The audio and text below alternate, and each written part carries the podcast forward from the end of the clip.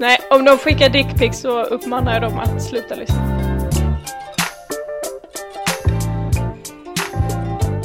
Vi eh, kanske ska börja med att ursäkta för en eh, tom vecka i er podcast. Det kanske vi ska göra. Alla måste ju ha saknat oss så otroligt mycket, tänker jag. Det är jag helt övertygad om. Men eh, ja, det är ju faktiskt så att vi eh, gör ju massa andra saker i våra liv också. Ja, Så att, eh, och ibland blir det lite för mycket. ja. Och, eh, ja, men vi har bestämt oss helt enkelt att gå tillbaka till varannan vecka. Mm, Som vi gjorde i början. precis. Det känns som att eh, det är viktigare att podden ger oss glädje än att det blir stressigt att få ihop det hela. Eh, Precis. I och med att det finns så mycket annat i livet som drar. Exakt. Och vi tycker ju att det är väldigt roligt. Mm. Och vi vill gärna fortsätta tycka att det är väldigt kul. Mm. Så därför känner vi att eh, kör vi varannan vecka så kommer vi kunna leva våra liv och samtidigt njuta av att göra det här. Exakt. Och värdera tiden vi får med er. Precis. Så så blir Mm. det, nu vet ni det. Eh, varannan mod- måndag. Exakt. Så eh, med det så välkomna till avsnitt eh, 29. Välkomna. Välkomna!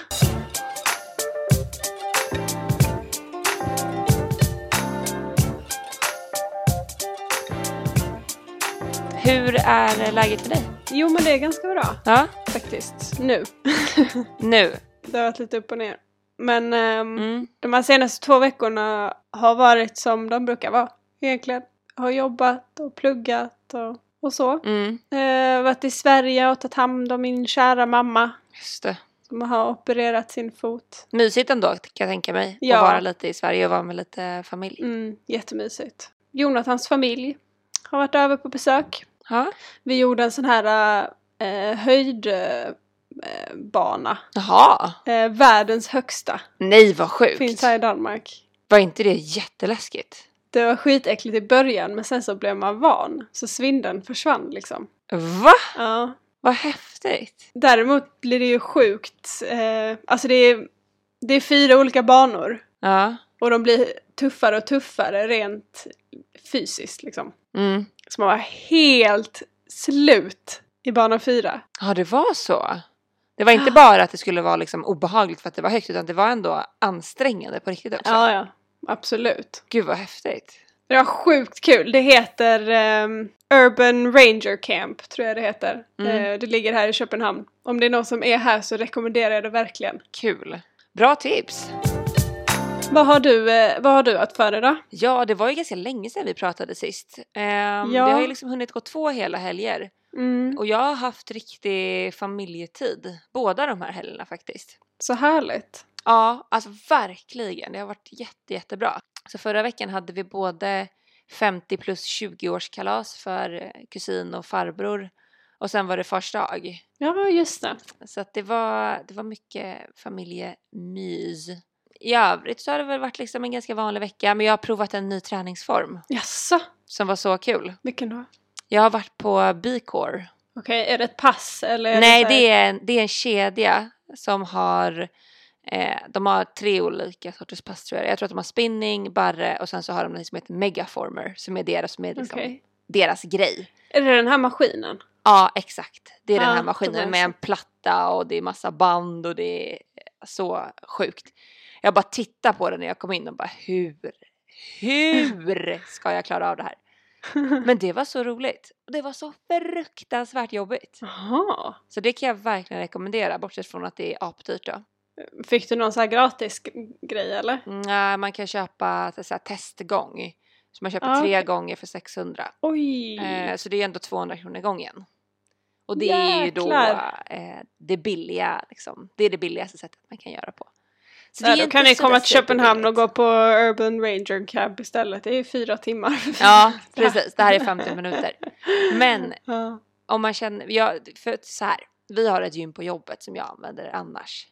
Och Ja. jag känner bara att jag vill testa på lite andra typer av träningar vid sidan av när jag inte har någon inspiration.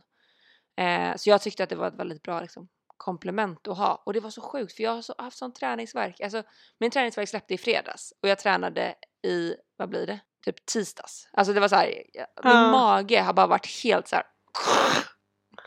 Gud vad härligt ändå. Ja, skitbra. Jag tycker det är, jag- var väldigt nöjd. Så nu är jag Men då, taggad. eh, då går du gratis på gymmet på jobbet alltså eller? Ja, precis.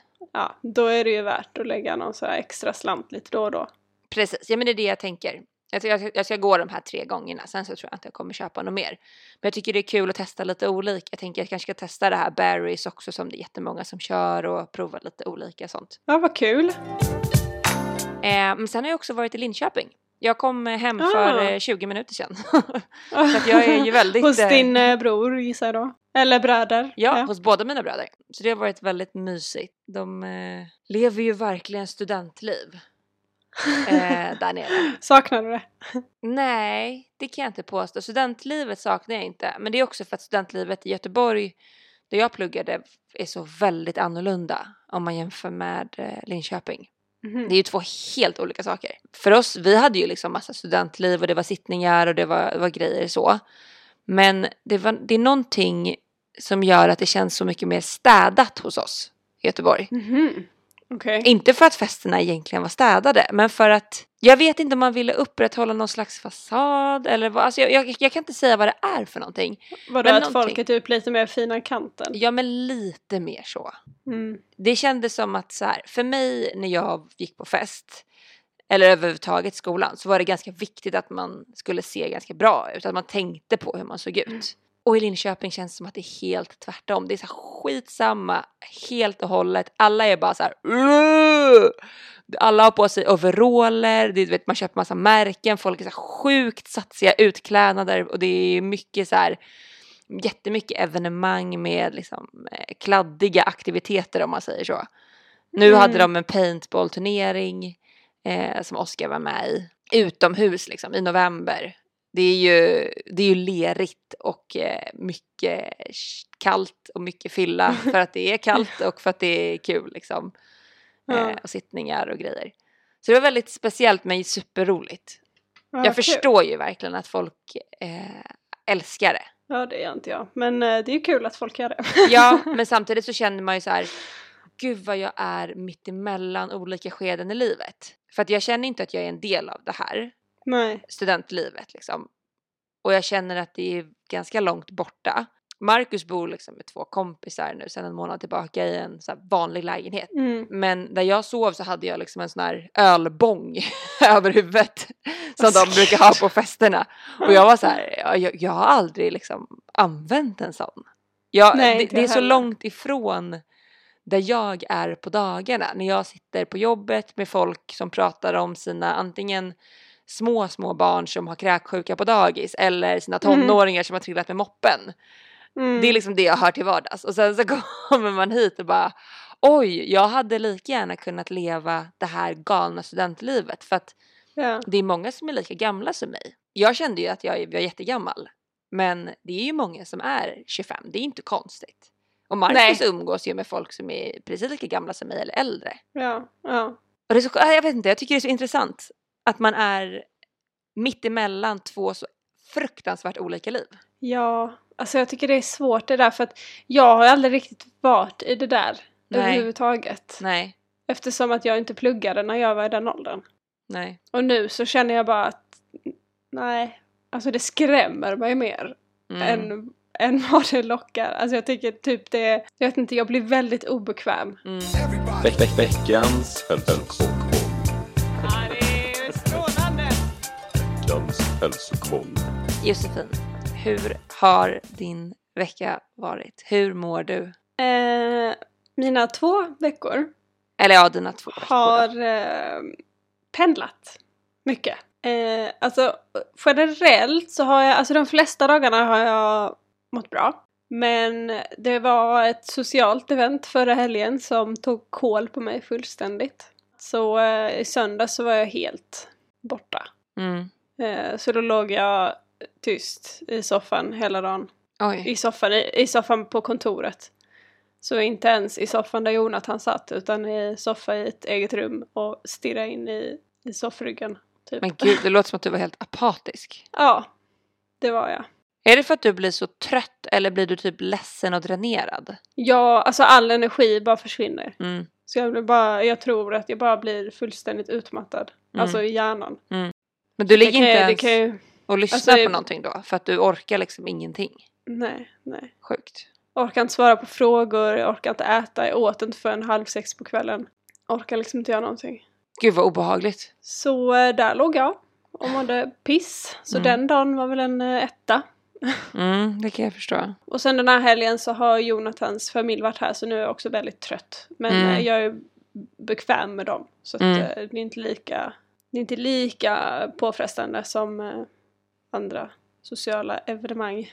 Nej, jag förstår. Eh, så att det har varit, eh, sen har jag haft mens också, PMS. Så att det, var, alltså det har varit väldigt mycket upp och ner den här veckan. Vissa dagar har liksom varit en fyra och sen har det varit någon etta och liksom, det har varit mycket upp och ner. Mm, jag förstår. Men jag skulle väl ändå sätta en trea Mm. faktiskt för att just för att jag har haft både toppar och dalar men att de flesta dagarna har ändå varit bra liksom. Det är ändå bra i det dåliga. Eller vad man ska säga. Att det går att... Nej men att det inte bara är långa perioder där det liksom är mörkt som du kan ha ibland. Utan att det faktiskt har varit lite uppblandat.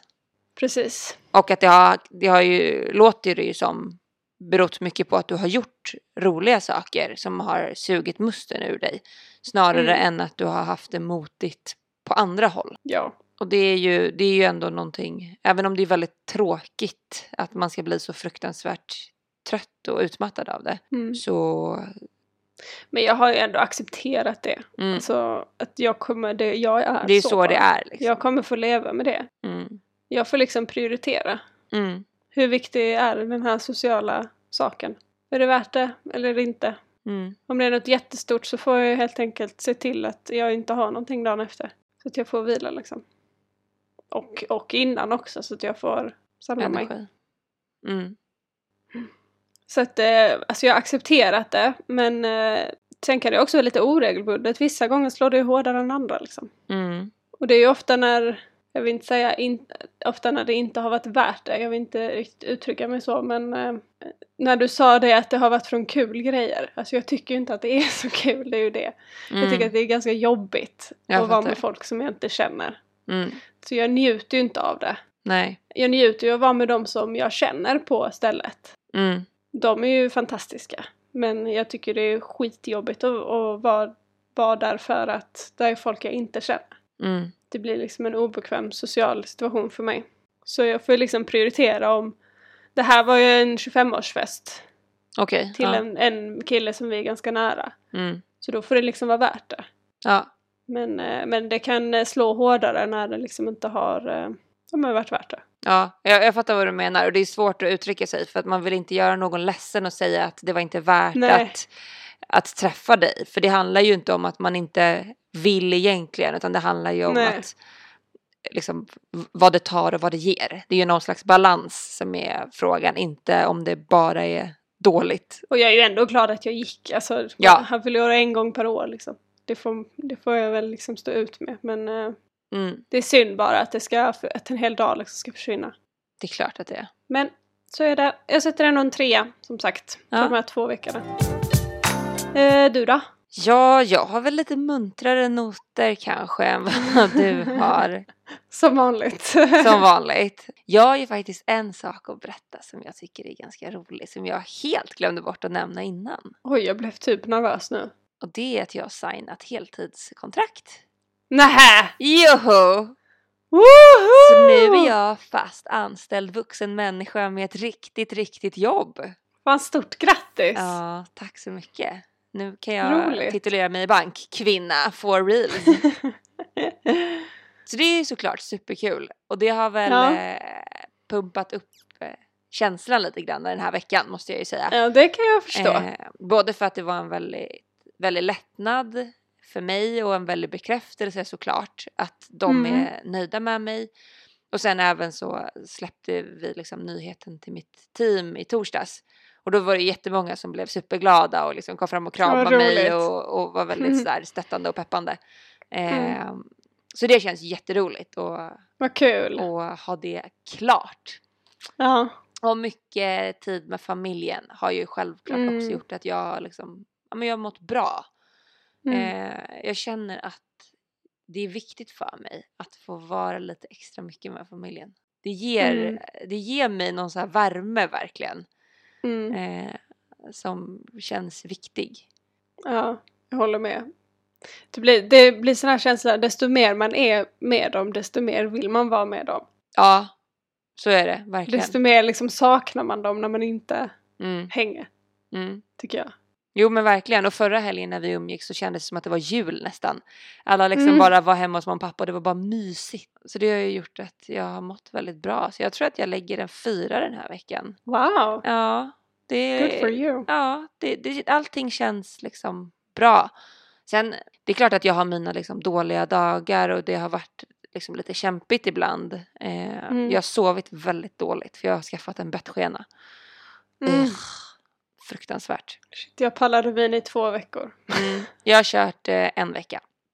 Jag hade inte den nu i helgen. Nej. Och det har ju dragit ner mig, det måste jag ändå erkänna. Jag så här, Mm. gjorde två misstag på jobbet samma dag som jag bara kände att så här, "Uff, det här var inga bra Jobbigt. grejer. Så då, det drog liksom ner hela min, min självförtroende och bara min känsla. Men sen Mm. så var det då samma dag som de släppte att jag hade signat heltid. Så då fick jag ändå en lite bättre balans. Ja. Ehm, men ja, överlag har det varit väldigt bra. Ja men vad skönt. Mina hälsokollar blir liksom ganska tråkiga för det känns bara som att jag säger att "Nej, men, det är bra. Det är bra. Men eh, ja. så är det väl ibland. ja, det, man får lov att ha det nice också. Det är väl skithärligt.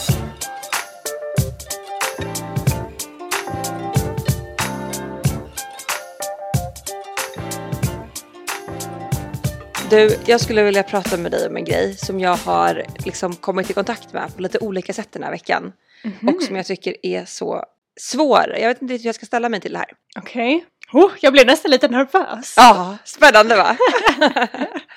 Nej, men så här. Det började med att jag såg en annons för Kalla fakta som var för den här veckan. Mhm. Om de här Ystadbarnen. Har du följt det?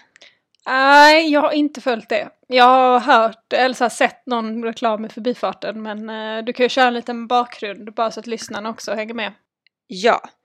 Eh, det är alltså en familj i Ystad som eh, en dag blir liksom stormad av poliser och SOS efter att det har liksom väckts misstankar om att det finns barn i det hemmet som inte går i skolan. Eh, och som liksom vanvårdas. Så då stormar Mm. man det här huset, eh, alltså typ bokstavligen, det verkar komma hur mycket folk som helst, och eh, tar de här barnen.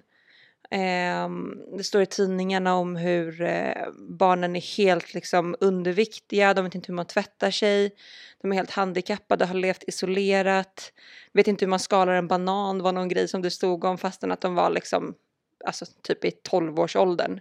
Mm. Kunde inte knyta skorna, var- hade liksom levt ett helt isolerat och vidrigt liv. Mm. Eh, beskrevs det i media. Det kändes lite som den här eh, boken som var så populär när vi var små, pojken som kallades det. Ja, åh den är så bra. Ja, den, den är så otroligt bra. Alla som inte har läst den, läs den. Jag har läst den. Men lite den feelingen målades det upp Mm. i media. Nu, nu känner jag igen det mer eh, när Ja. du säger det. Jag kopplade inte ihop de grejerna för det här var ändå ett, ett tag sedan väl? Mm, det var i somras. Ja, Nej vänta, sommaren 2018 tror jag till och med att det var. Jag tror att det är ett och ett halvt år sedan. precis. Så det är ganska länge sedan eh, Ja. nu. Men jag tyckte att det lät sjukt, alltså galet.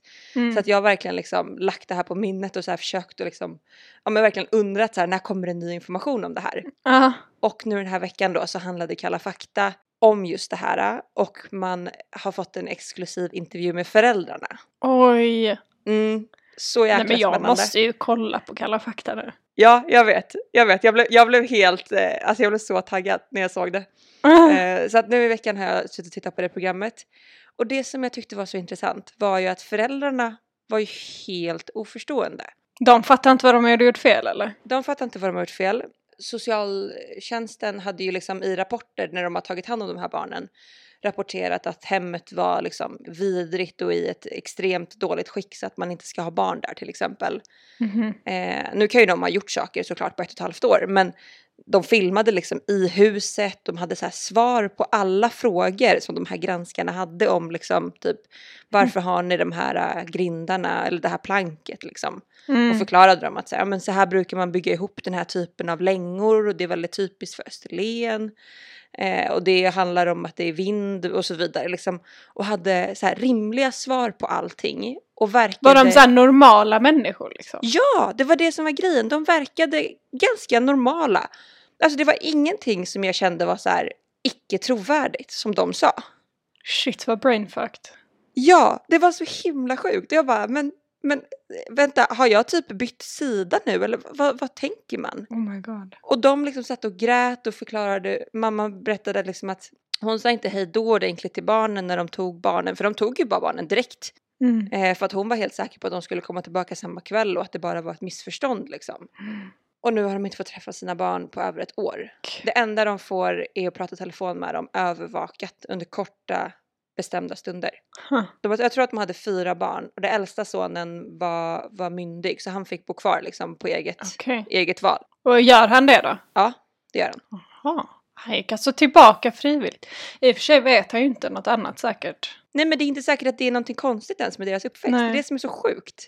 Men jag förstår inte varför socialen skulle ta hand om barnen om, alltså, så pass länge också om det inte finns några bevis. Men de upplever ju att det finns bevis. Men sen så visar ju me- medicinska undersökningen, alltså föräldrarna menar på att den medicinska undersökningen som läkarna gjorde inte alls visar på att de är undernärda till exempel. Så att det är väldigt, väldigt oklart. Men är det, finns det, har de haft någon annan som har uttalat sig om det då, i Kalla fakta? Eh, ja, alltså det, det var ju, det är folk som har sagt olika helt enkelt. Mm.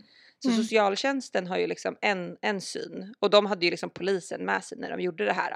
Mm. eh, och skrev liksom rapporter och uttalanden. Och sen så har föräldrarna en helt annan syn. Och jag tycker det är så obehagligt för att jag känner liksom att jag vet inte vem jag ska lita på. Jag vet inte vad Alltså man ska jag, tro. jag kanske är naiv och dum nu men jag har ett väldigt högt förtroende för vår eh, sociala våra sociala hjälpmedel, alltså som polis och socialtjänst och alltså Jag jag, har ändå, och vi har ändå en historia i Sverige där det sällan har hänt grejer ändå.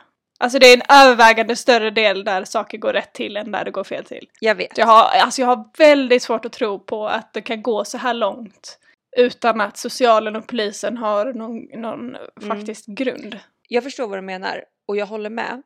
Och jag hade jättesvårt att veta hur jag skulle ställa mig till det här fram Mm. tills igår kväll när jag lyssnade på P3 Dokumentär Ja. om eh, Shaken Baby-skandalen. ja, den har jag hört. Ja, det är alltså, ja men det blev, det blev väldigt stort för några år sedan.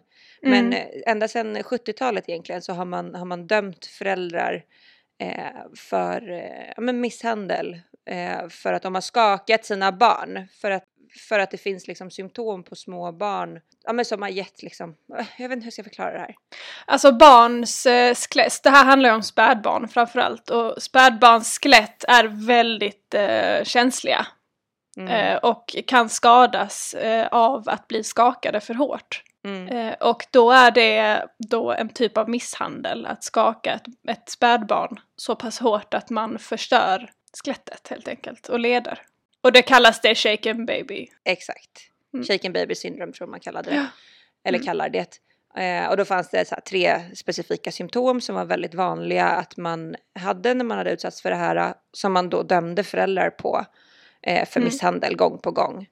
Sen någon gång 2012, 2014 så började det uppdagas att eh, de här symptomen inte alls är bevis på shaken baby. Mm. Eh, och man börjar då inse att man har felaktigt dömt föräldrar i drygt, jag tror att de sa 200 fall om året Mm. för misshandel på sina barn. Vilket inte stämmer, det är inte på riktigt. Nej, på pappret i alla fall. På pappret. Man, man, man har inga bevis för att det är misshandel. Nej. Utan föräldrarna Men det kan ju också vara det, måste vi ju det är, klart att det, kan vara, det är klart Mm. att det kan vara det. Men, men du är ju fortfarande oskyldig tills motsatsen har bevisats. Och har det inte bevisats så är du ju oskyldig rent rättsligt liksom. Då är det liksom extremt många människor som har dömts för det här Mm. felaktigt. Mm. Vilket liksom gjorde att jag kände så här, jag vet inte vem jag ska lita på. Det är Nej. jätteobehagligt att upptäcka att ett system som man har så extremt hög tillit till, för det har jag, har jag verkligen också alltid haft för liksom rättssystemet, polisen, socialtjänsten, allting i Sverige. Mm. Men jag blir så här, gud, alltså att det kan ske sådana här misstag. Jag vet inte hur jag ska hantera det. Men skillnaden på de här två sakerna Mm. är ju att det här shaken baby, det är ju ändå ett medicinskt tillstånd. Det har ju med forskning att göra och forskning kan ju tolkas på olika sätt och statistik kan presenteras olika. Så där kan ju finnas en subjektiv eh, förståelse. Och Mm. den förståelsen man hade i Sverige var ju något annat än vad det var i USA till exempel. Mm. Ehm, och det är ju därför den har blivit så debatterad och inte riktigt kan vara rättsligt bindande längre. Mm. Men skillnaden med de här Ystad-barnen är ju att det måste ju vara, eh, slarvigt uttryckt, lättare att se om det stämmer eller inte. Alltså man måste ju ganska lätt kunna se på ett barn eller uppleva ett barn som inte är anpassad till samhället jämfört med ett som är det. Man tycker ju det.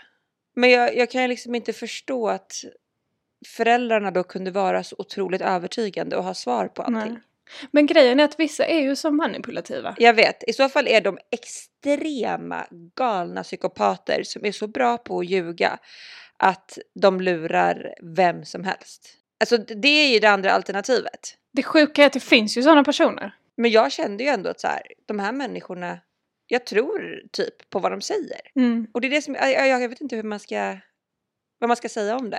Nej, alltså det är ju ett, det är ju ett moral, vad heter det, moraliskt dilemma, heter det så? Mm. Som jag faktiskt får ganska ofta, för jag lyssnar väldigt mycket på P3 Dokumentärer och sådana eh, dokumentärer, också några danska poddar Mm. som tar upp eh, brottsmål av olika slag och där man får höra klipp från rättegångar och sånt. Mm. Eh, och där får man ju också höra oftast den åtalade, dens version och vad den känner och tycker. Och det, alltså det är väldigt ofta som de är väldigt övertygande. Ja, men jag kan verkligen tänka mig det. Men det betyder ju inte att de är mindre skyldiga. Nej, men, det, men jag tycker ändå att det är, jag tycker att det är intressant för att det finns ju ändå på något sätt så att sanningen är ju inte alltid subjektiv heller. Nej, nej.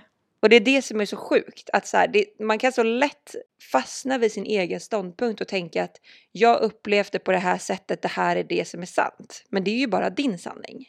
Ja. Och på något sätt så gäller ju det även liksom, i rättssystem. Mm. Att det finns ju, alltså det, det finns ju någonting som har skett. ja. Men det är ju fortfarande två parter som har upplevt det på två helt olika sätt eventuellt. Mm. Och det är så himla svårt att greppa. Har man gjort eh, psykologiska tester på de här föräldrarna? Det tror jag, det utgår jag ifrån att man har gjort men jag vet faktiskt Det var inte. inget de tog upp? Nej, det var ingenting som Nej. de tog upp. Jag, egentligen kände jag att jag hade velat få mycket, mycket mer information än vad jag fick Mm. i den här. Liksom, det var ju bara en timmes program. Mm. Ehm, men nej, det var ingenting man pratade om i alla fall. Nej. Men jag följer utvecklingen med spänning, helt klart. Ja. För det får ju oerhörda konsekvenser om det här nu inte stämmer. ja, absolut. Tänk då att få ha varit utan, utan sina barn i fyra år, blivit utmålad i media som helt fruktansvärda personer. Ja, om det inte stämmer så kommer ju svenska myndigheterna ha en hel del att svara för. Verkligen. Och om det stämmer så är det ju fantastiskt bra att man har lyckats snappa upp det och då är ju snarare problematiken att man inte har gjort det tidigare. Så det är ju problematiskt vilket håll det än går åt. Ehm, men väldigt intressant. Mm. Ja, jag måste nog se den här för att bilda mig en riktig uppfattning. Men, men jag står ändå kvar vid det att jag är ändå så pass... Eh, alltså jag har högt förtroende för våra myndigheter. Mm. Jag har väldigt, väldigt svårt att tro att det kan bli så fel. Mm. Vad jag ska tro. Jag har ju inte all information heller. Nej, nej men det har ju ingen höll jag på att säga. Men eh, jag vill också ha starkt förtroende men jag börjar tveka just för att jag vet också hur mycket brister det finns i liksom statliga bolag och i statligt styre överlag. Och det Mm. gör att jag känner att så här, statliga instanser kanske inte heller sköts på rätt sätt. Även om jag tror och hoppas och verkligen, verkligen önskar att det är så. Mm. Ja, spännande. Faktiskt. To be continued så att säga. Ja, det här får vi nog följa upp. Det var min spaning den här veckan.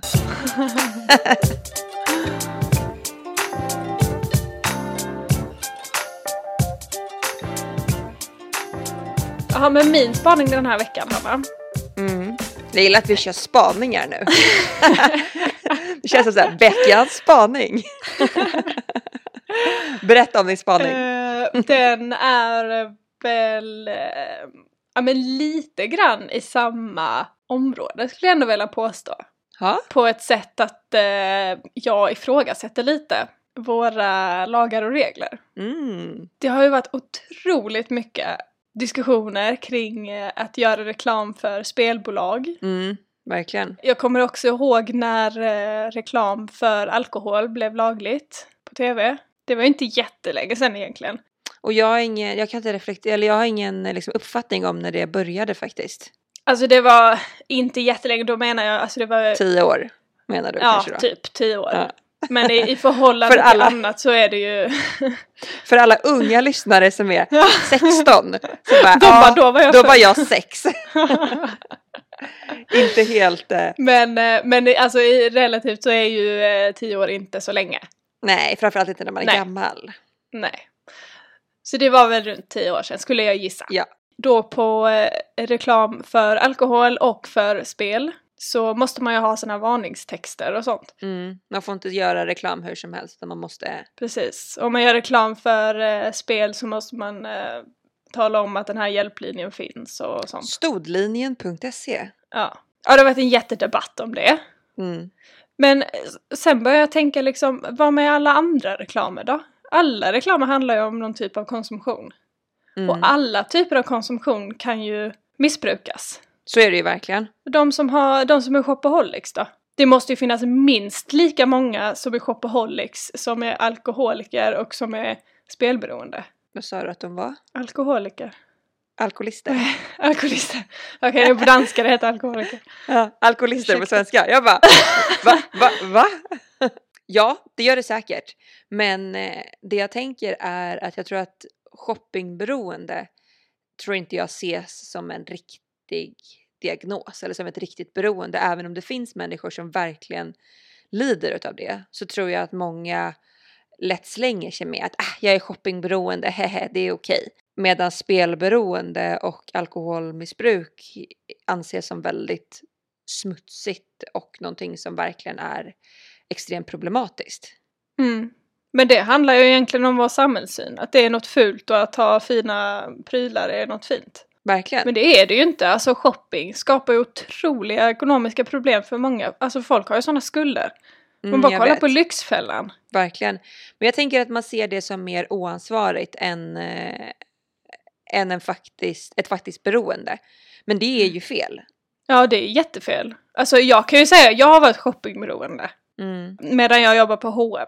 Alltså jag kunde handla någonting varje, var varannan dag. Och ofta, ofta bara för att jag skulle ha någonting liksom. Mm. Och det började ju med att det bara var billigt och att det var nice. Jag var ung och liksom tjänade egna pengar, så mycket pengar för första gången i mitt liv. Mm. Men eh, alltså det skapade ju problem sen. Alltså jag har, jag har alltid varit livrädd för, för pengar och lån och sånt så att jag har aldrig liksom hamnat i skuld på det sättet. Nej. Men eh, jag har ju helt klart felprioriterat många gånger.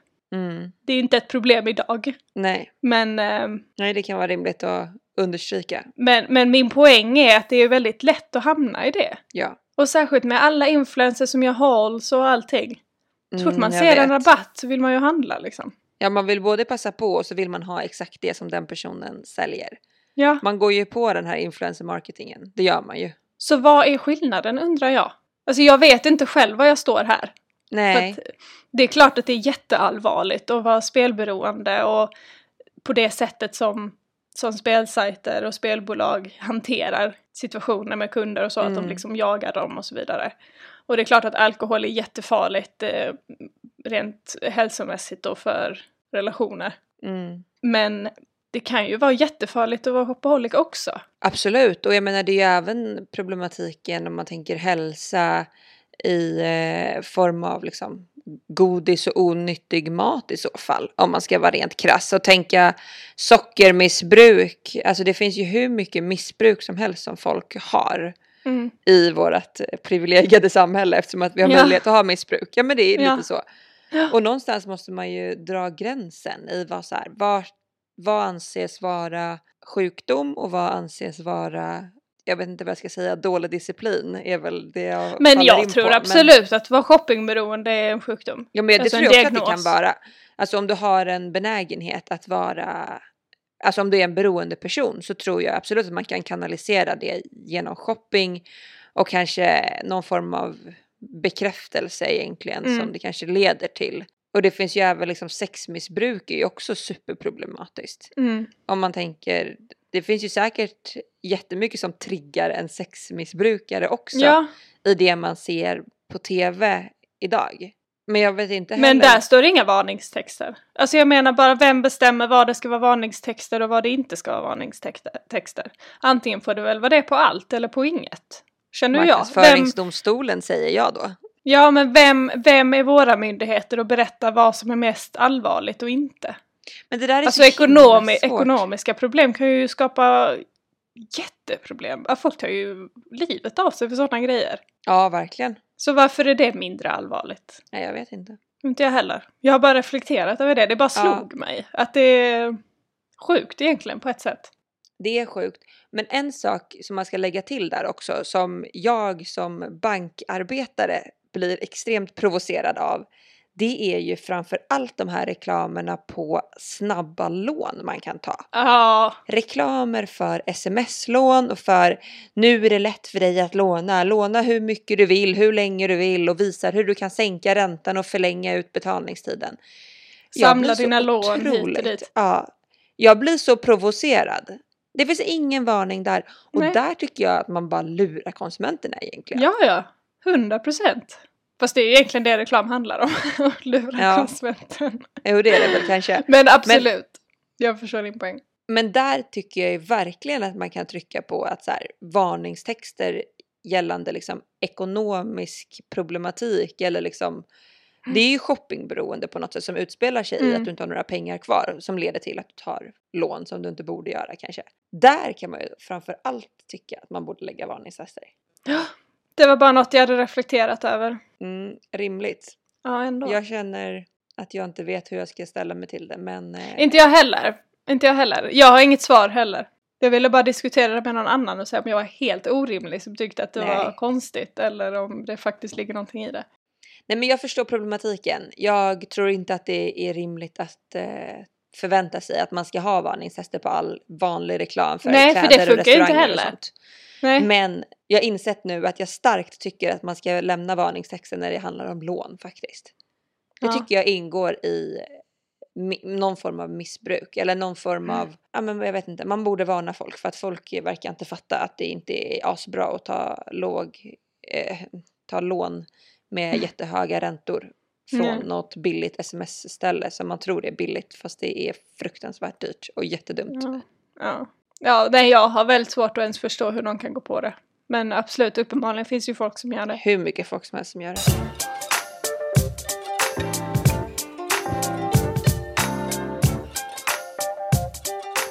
Jaha, idag har vi diskuterat väldigt mycket samhällsfrågor. Ja, men, men jag. Vi, blir, vi får perioder där vi är så här sjukt politiska. Jag vet, det är det här jag känner. Det här börjar bli en politikerpodd så där vi bara liksom slänger ut oss här motioner till världen. Man bara önskar att det satt folk och lyssnade och tog upp det här och verkligen eh, tog det här vidare någonstans. Ja. Men jag Mm. tänker att det här är ett riktigt vuxentecken också, att man börjar intressera sig för samhället. ja, kanske det. Kanske det. Vi kan säga det. Men det är spännande, alla, om det nu fortfarande finns unga som har orkat lyssna hela podden. Ja, Trots att vi börjar referera till saker som hände för tio år sedan som nyss. när de, när de hörde spaning, de bara nej, Nej, hejdå. nu, nu stryker vi tanterna och går in på, jag vet inte vad. De där balla influencers istället. Ja.